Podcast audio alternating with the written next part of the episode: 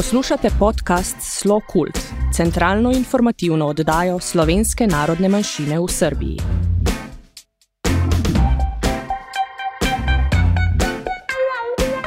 Lepo pozdravljeni v podkastu Slo Kult, centralni informativni oddaji, namenjeni članom slovenske skupnosti v Srbiji, slovencem po svetu in v Matici, kot tudi vsem ljubiteljem slovenske kulture in sodobne ustvarjalnosti slovenske manjšine v Srbiji.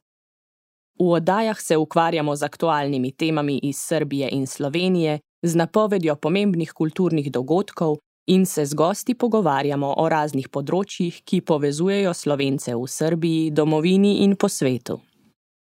Tudi danes vam bomo najprej posredovali aktualne informacije glede možnosti čezmejnih potovanj, čemu sledijo kulturne novičke, Kot gost današnje oddaje pa se nam bo predstavila slovenska kulturna skupnost Mura iz Negotina.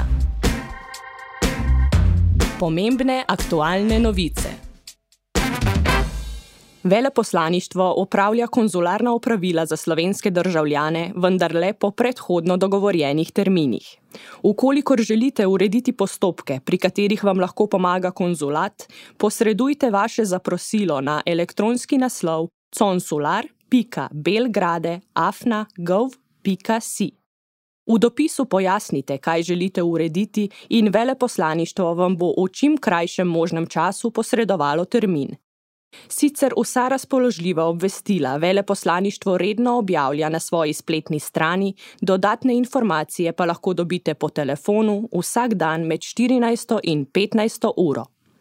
Od nedelje 30.8. je Srbija uvrščena na rumeni seznam. Slovenski državljani in tujci s stalnim ali začasnim prebivališčem v Sloveniji in njihovi ožji družinski člani morajo ob prehodu meje v desetdnevno karanteno, razen če sodijo v eno izmed izjem navedenih v odloku. V Slovenijo lahko vstopajo državljani držav zelenega seznama, ki ga NIJZ redno posodablja državljani držav članic Evropske unije ter držav članic šengenskega območja, imetniki dovoljen za začasno ali stalno prebivanje ter ožji družinski člani slovenskih državljanov. Vsi, ki vstopijo v Slovenijo iz države, ki je na rdečem ali rumenem seznamu, to so države s poslabšano epidemiološko sliko, morajo v obvezno samoizolacijo ali karanteno. Karanteni se izognejo tisti, ki spadajo v katero od izjem, ki so navedene v odloku o odrejanju in izvajanju ukrepov za preprečitev širjenja nalezljive bolezni COVID-19 na mejnih prehodih na zunanji meji, na kontrolnih točkah na notranjih mejah in v notranjosti Republike Slovenije. O izjemah iz navedenega odloka si lahko več preberete na spletni strani veleposlaništva. Tranzit čez vse države je trenutno mogoč, če potnik izkaže namen potovanja in potrdilo, da mu bo omogočen vstop v ciljno državo. Za tranzit čez Hrvaško in Mačarsko je potrebno vprašati veleposlaništvi teh dveh držav, ki sta pristojni za dajanje točnih in natančnih informacij o vstopu in tranzitu. Letališča v Sloveniji in Srbiji obratujejo. Treba pa je upoštevati vsa navodila in varnostne ukrepe, ki so jih izdala posamezna letališča. Pogoje za vstop v Srbijo določajo organi Republike Srbije. Po naših podatkih za enkrat za vstop v Srbijo ni omejitev, razen za tujce, ki prihajajo z Hrvaške, iz Makedonije, Romunije in Bolgarije. Tudi tokrat se za vse informacije najlepše zahvaljujemo Primožu Križaju, konzulu pri veleposlaništvu Republike Slovenije v Beogradu. Državni zbor Republike Slovenije je poslal obvestilo, da je sindikat delavcev migrantov Slovenije na podlagi zakona o referendumu in ljudski inicijativi uložil pobudo voljivcem za vložitev predloga zakona o spremembah in dopolnitvah zakona o dohodnini. Zbiranje podpisov voljivcev poteka med 15. septembrom in 13. novembrom 2020.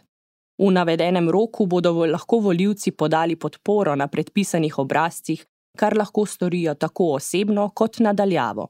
In sicer tako, da njihov podpis na obrazcu potrdi uradna oseba diplomatskega predstavništva ali konzulata Republike Slovenije v tujini. Za oddajo podpisa podpore mora stranka posredovati zaprosilo za določitev termina na veleposlaništvu na elektronski naslov consular.belgrade.afna.gov.si. Ministrstvo za notranje zadeve Republike Slovenije je objavilo informacijo v povezavi s potekom začasnih naslovov v tujini.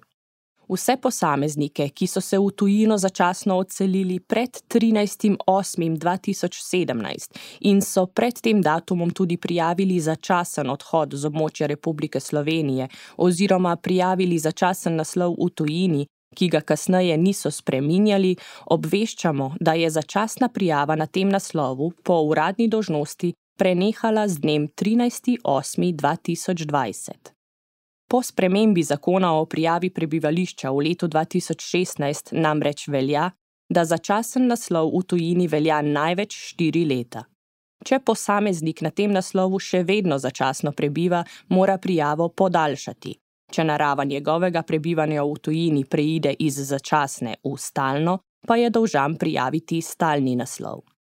Hkrati velja, da je posameznik, ki v tujini prebiva stalno ali začasno, dolžan sporočiti tudi vsako spremembo naslova. Prijavna obveznost se lahko izvede na katerikoli upravni enoti v Republiki Sloveniji ali na diplomatskem predstavništvu konzulatu Republike Slovenije v tujini. Posameznik lahko ureja prijavo osebno ali poda za to pisno pooblastilo drugi osebi, naprimer sorodniku, ki prebiva v Sloveniji. Več o tem si poglejte na spletni strani Ministrstva za notranje zadeve Republike Slovenije. Kultura. Vabljeni, da si do 1. oktobra pogledate razstavo Sekvence istine in obmane, torej zaporedja resnice in prevare, Vanje Bučan, nagrajevane slovenske fotografinje, ki je bila letos proglašena za eno od dobitnic prestižne mednarodne nagrade Lens Culture Critics Choice Award. Razstavo iz štirih fotografskih serij lahko obiščete v galeriji Artget na prvem nadstropju Kulturnega centra Beograd vsak dan razen ob nedeljah med 12 in 20 uro. Slovenska konferenca Svetovnega slovenskega kongresa je s finančno pomočjo Urada Republike Slovenije za slovence v zamestvu in po svetu razpisala natečaj za izvirno izražanje mladih slovenskih rojakov, ki živijo izven meja Republike Slovenije. Tokrat so se odločili za bralno-risalni natečaj. Otroci sami ali s pomočjo staršev preberejo besedilo ljudske pravljice z naslovom O štirih godcih in gozdnem škratu in za natečaj pripravijo risbo oziroma sliko na listu formata A4 z motivom iz pravljice, ki se jim je najbolj otisnil v spomin. Na natečaj se lahko prijavijo posamezniki ali skupine, vsi prispevki pa bodo objavljeni na spletni strani Svetovnega slovenskega kongresa, kjer najdete tudi ostale podrobnosti glede natečaja, kot tudi besedilo pravljice, ki ga osmišlja.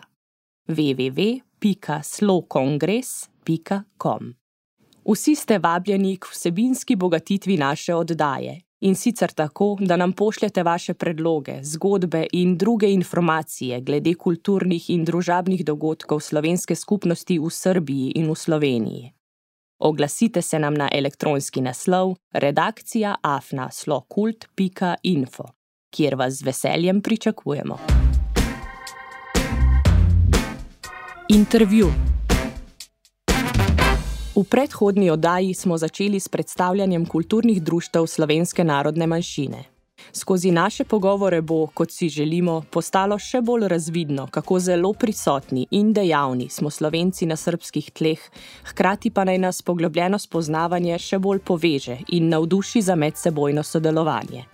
Danes imamo veselje gostiti gospoda Miodraga Stankoviča, predsednika Slovenske kulturne skupnosti Mura. Dober dan, dragi Mijo, drag, draga Mura, lep pozdrav. Lep pozdrav. Kako ste kaj danes? A, dobro, dobro. dobro. Vse, vse je dobro, vse je dobro. A, pa preidiva kar takoj k predstavljanju vašega društva. Mijo, drag, kdo ste, kje vas lahko poiščemo? E, naše društvo datira od Naše društvo je bilo ustanovljeno leta 2006 v okviru zaječarske skupnosti slovencev Ivan Cankar. Zatem pa smo leta 2012 uradno postali samostojno društvo z vsemi zakonskimi regulativami, registrirano v APR-u. Naše društvo združuje slovence, potomce še iz časa stare Jugoslavije, kot tudi ljudi brez slovenskega porekla, tako imenovane ekonomske slovence oziroma ljudi, ki so v 60 letih prejšnjega stoletja odšli v Slovenijo s trebuhom za kruhom, a so se po zaključeni delovni dobi vrnili v Srbijo. Včasih se zgodi, da takšni ljudje postanejo bolj zavedni slovenci kot nekateri od nas, ki so nas rodile slovenske matere. Včasih je res tako, vendar so seveda vsi enakopravni člani. Naše društvo šteje približno 50 članov. Tudi obisk mladih napreduje, vendar ti zaradi ekonomskih razlogov največkrat odidejo v Slovenijo in ne ostanejo v Negotinu, če me lahko razumete. Zato je težko govoriti o nekem pravem podmladku. Mladi se k nam vračajo predvsem zato, da obiščejo svojo družino, babice in detke, zatem pa se vrnejo v Slovenijo.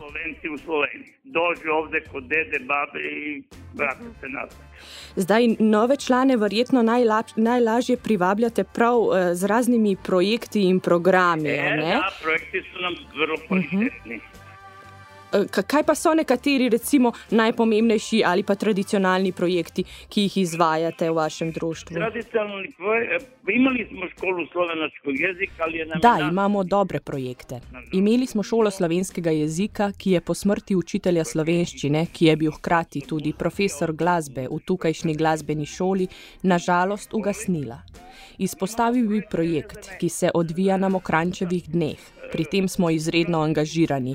Vsaj vsako drugo leto na tej manifestaciji sodelujemo s kori iz Slovenije, iz Ljutomera, Tržiča, Krajevo, Ljubljani, kar pa seveda zaradi trenutne epidemiološke situacije v letošnjem letu ni izvedljivo.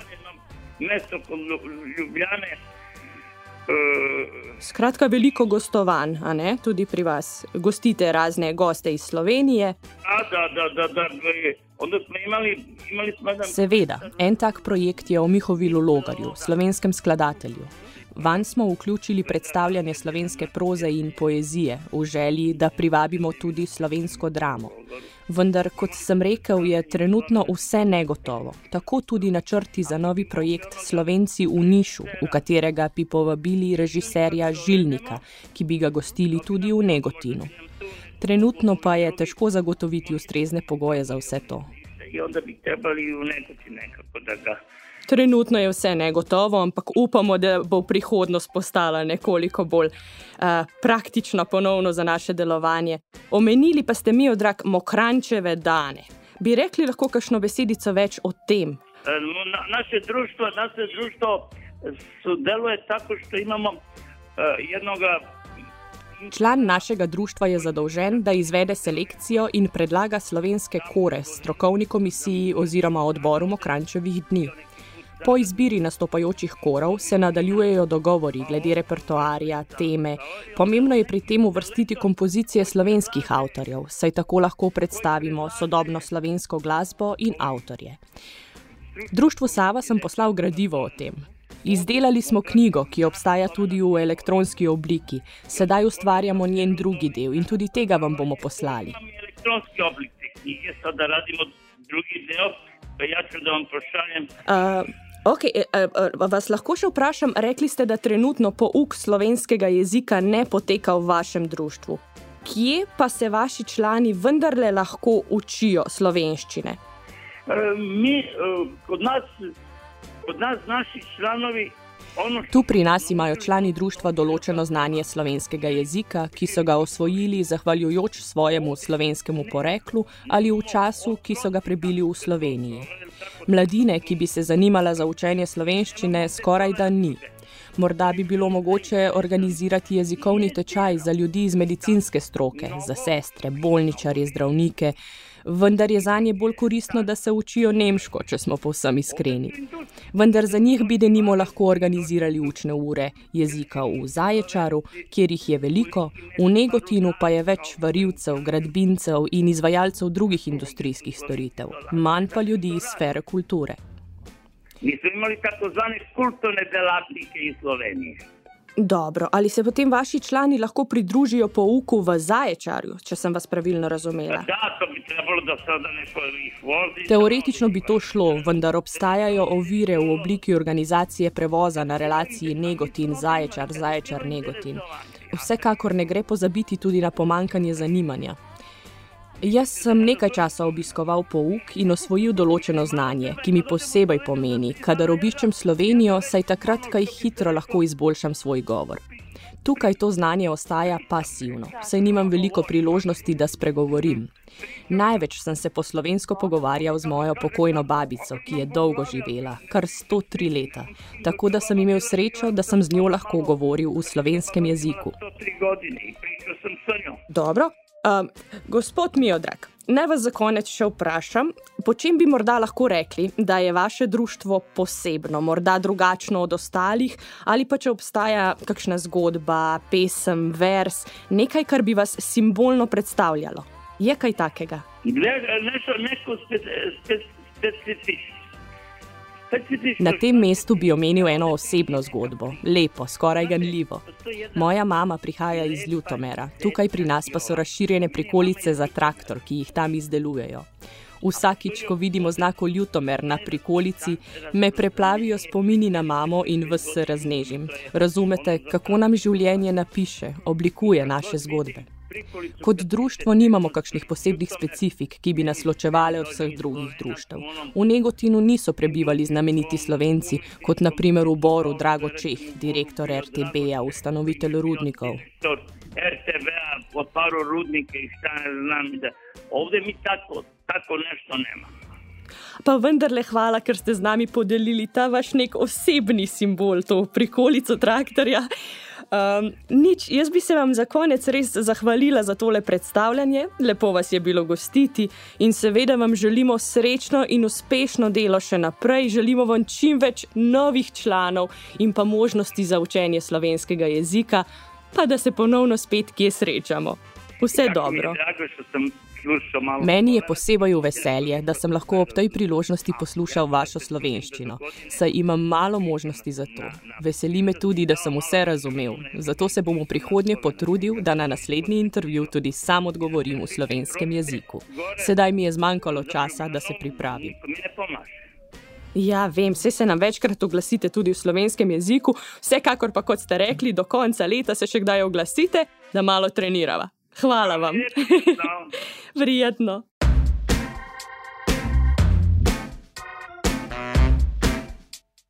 S tem smo tudi današnjo oddajo pripeljali k kraju. Z vami sem bila Tanja Tomazin, za tehnično izvedbo je tudi tokrat poskrbel naš mojster Dino Dolničar, redakcijo podcasta Slokult pa poleg naju sestavljata Saša Verbič in Ivana Mandič. Želimo vam vse dobro in čim več sončnih žarkov. Hvala vam, da ste bili z nami.